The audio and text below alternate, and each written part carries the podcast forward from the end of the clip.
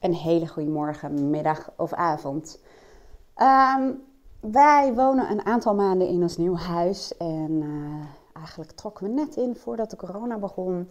En um, we moeten echt veel verbouwen. Of we moeten helemaal niks. We willen heel graag veel verbouwen. Want het is, alles functioneert heel goed in het huis. Um, alles is ook heel degelijk gebouwd. Maar wel, zoals ze dat altijd zo charmant zeggen, het is allemaal heel gedateerd. Dus we hebben een, uh, een flink uh, verbouwingsplan. Nou, eigenlijk uh, was er helemaal geen plan in die zin. We hadden opgeschreven wat er allemaal moest gebeuren. Toen corona kwam, hebben we gezegd, nou laten we gewoon heel eventjes een aantal dingen parkeren. En pakken we later wel op. En toen kwamen Aaron en ik ook een beetje in een soort van uitstelmodus. Allereerst hebben we gewoon heel veel ook buiten gedaan. Heel veel dingen die eigenlijk helemaal niet zo heel goed zichtbaar zijn, maar wel heel nodig waren. Um, maar we kwamen een beetje in de uitstelmodus. En dat komt met name omdat je op een gegeven moment uh, het bijna niet meer kunt overzien. En wat doen we dan vaak? Dan komt er weerstand, weerstand tegen verandering.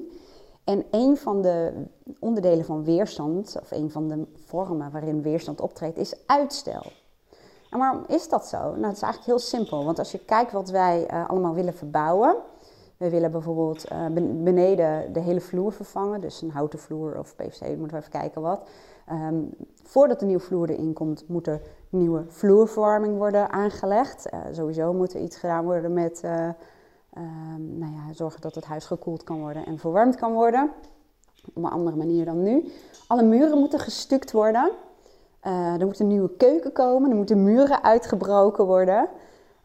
Er moet natuurlijk van alles verlegd worden. Nou, je kunt je gewoon voorstellen, dat is natuurlijk best veel. En dat zijn veel dingen die uh, uiteraard ook allemaal met elkaar te maken hebben. Daarnaast heb ik mijn agenda meestal voor de komende vier maanden al uh, nou ja, vol, maar in elk geval zitten er veel afspraken al in.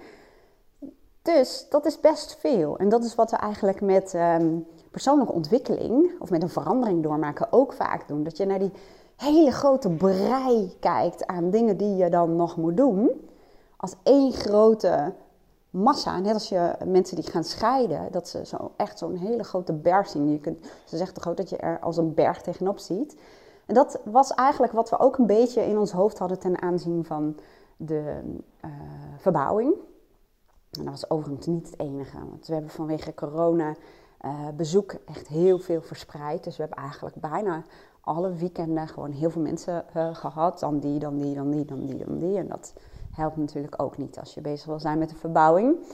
Um, maar doordat je het ziet als één grote berg en allerlei dingen die onlosmakelijk met elkaar verbonden zijn, dat je denkt, hoe ga ik dat allemaal organiseren? Nou, dan kom je inderdaad vaak in de, ja, in de uitstel. Ik zeg ook altijd, motivatie heeft altijd twee bronnen. De eerste is of het urgent of noodzakelijk is. En de tweede is een groot verlangen. Maar als je een beetje tussen die twee zwabbert, dus tussen urgentie, noodzaak en verlangen.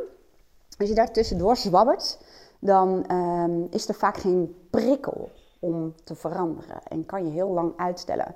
Mensen die in een relatie zitten, maar die best wel oké is. Of in een baan die nou ja, best wel oké is. Want ja, het werk is echt in een ruk met hem. Maar de collega's zijn gewoon leuk. En er is vrijheid en het salaris is goed. Maar je voelt al, de urgentie om weg te gaan is er niet. En het verlangen om weg te gaan is ook nog niet zo gevoed. Nou, met de verbouwing hebben we dat eigenlijk als volgt aangepakt. Um, urgentie, uh, dat is sowieso niet iets wat ik als voorkeur zou hebben om te zeggen, nou ga daar lekker op, uh, op zitten pushen. Kan wel hoor, het kan wel enorm uh, drijvend zijn, maar um, het is niet per se urgent, want alles functioneert. Het is meer het uiterlijk, dat verandert dan, dan alle functionele dingen. Nou, één ding werd wel urgent en dat was dat uh, het in mijn praktijk in de winter gewoon koud is en dat het lastig is om daar te verwarmen. Dus dat was eigenlijk al een prikkel als het gaat om urgentie. Um, plus wat we hebben gedaan, we zijn ons verlangen gaan voeden. Nou, hoe hebben we dat gedaan? Simpelweg uh, door Pinterest, door uh, bezig te zijn met plaatjes, uh, door een planningslijst op te hangen met allerlei dingen die we wilden gaan doen. Maar ook door alvast te visualiseren hoe dat er dan uit zou kunnen zien en hoe fijn dat dan zou zijn. Nou, en dan kom je al in beweging. En dan denk je nog steeds van, wow, wat moet er allemaal gebeuren? En dan is het gewoon belangrijk om gewoon alvast de eerste stap te zetten. En dan zul je zien dat de volgende stap zich aandient. En je hoeft ook nog niet alles helemaal te weten. Ik zeg ook altijd, als je in het donker gaat autorijden, dan um, soms weet je al wel de bestemming, maar je weet nog niet helemaal hoe die weg daarheen loopt. Maar je stapt in de auto omdat je koplampen 30 meter vooruit schijnen. En dat je die 30 meter kunt zien en hoe meer je rijdt, hoe meer je de volgende 30 meter kan zien en de volgende 30 meter en de volgende 30 meter. En dat is eigenlijk met dit soort dingen ook. kijk wat je al ziet en start met de eerste stap. En na de eerste komt de tweede en dan de derde. Ik zeg altijd first things first. Nou, dat hebben we nu gedaan. We hebben in geval weer een afspraak gemaakt bij een uh, keukenwinkel. om opnieuw de keuken in te laten tekenen, omdat we nu op een andere plek willen hebben. Die afspraak hebben we staan. We hebben uh, gisteren een aannemer gehad. En ehm, dat, voor ons is het gewoon belangrijk om een hele goede aannemer te hebben die ook alles aanstuurt. Dat wij dat allemaal zelf niet hoeven te doen. Uh, dat kan ook helpen, dat je gewoon ehm, iemand vraagt of inhuurt die kan waar jij gewoon minder goed in bent. En uh, ja, ik, ik vind het ook altijd belangrijk om gewoon, natuurlijk gaat, moet je het natuurlijk wel kunnen betalen, maar om mensen, um, experts ook gewoon hun werk te laten doen. En ja, wij hebben er echt de ballen verstand van. En wij ja, Aaron kan goed organiseren en plannen, ik niet zo heel erg. En door daarmee in gesprek te gaan, en hij had ook echt heel veel goede ideeën dan voel je al weer het verlangen heel erg eigenlijk en het vertrouwen. En vervolgens zei hij van, uh, nou, er is één belangrijk punt en daaromheen zullen wij, daar naartoe zullen wij alles gaan plannen. En dat is de keuken.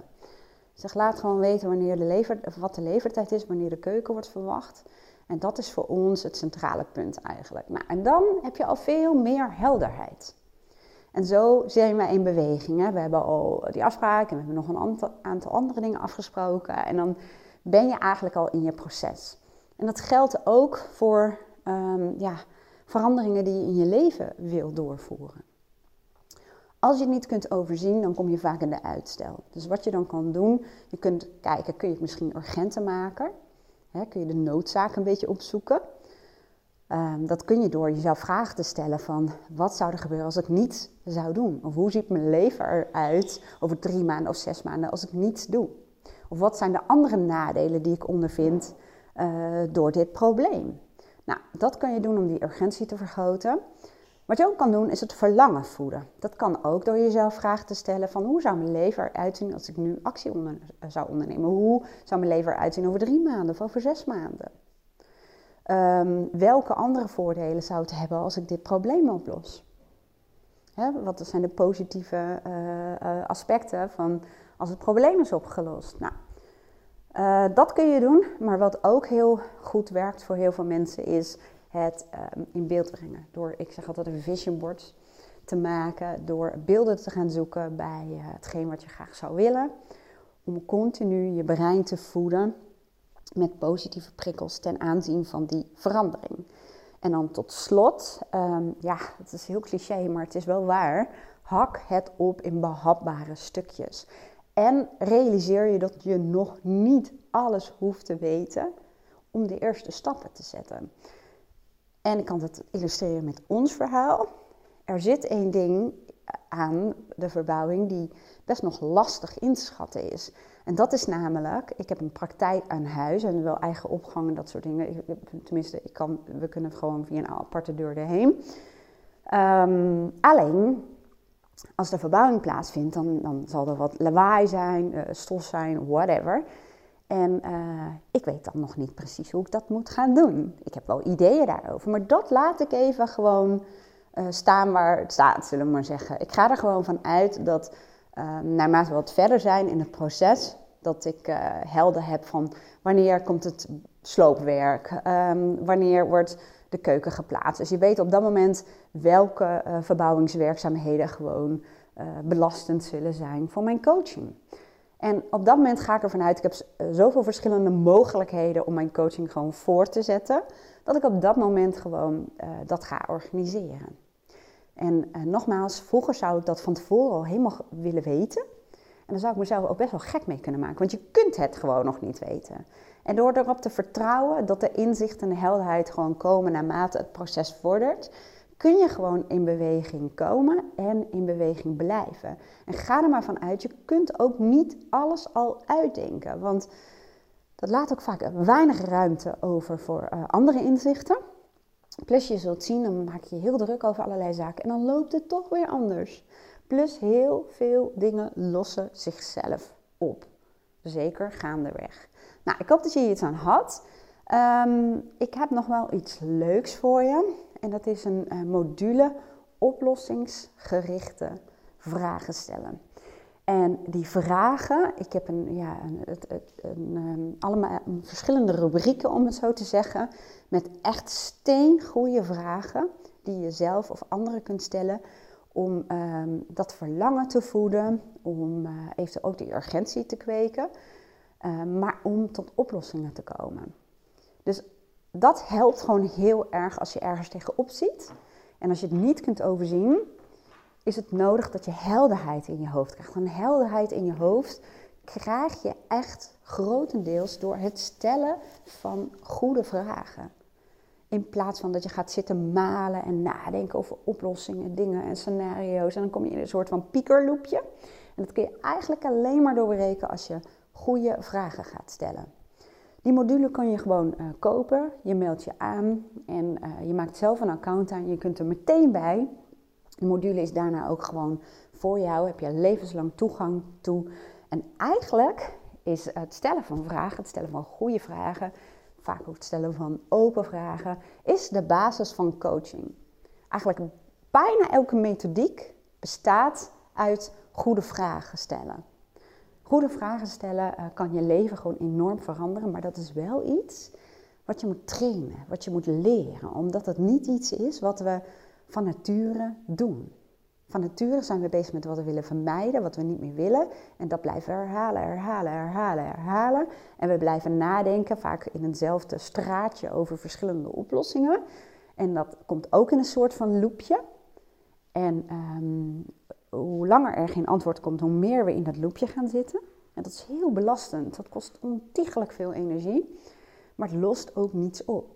En door er vanuit een ander perspectief naar te kijken, komen er weer andere inzichten en andere oplossingen. Ik werk er heel veel mee voor mezelf, maar zeker ook voor mijn klanten. Ik zet het linkje hieronder neer. Um, als je deze podcast luistert op een podcastkanaal zoals iTunes, dan uh, laat eens even weten wat je ervan vindt en uh, of je wat hebt aan deze tips. En als je hem luistert op YouTube, dan kijk even of je al geabonneerd bent. En uh, uiteraard, als er mensen zijn in je omgeving waarvan je denkt die kunnen hier ook wat aan hebben, nou zou ik zeggen, deel het. Dankjewel voor het luisteren en tot de volgende keer. Doei doei!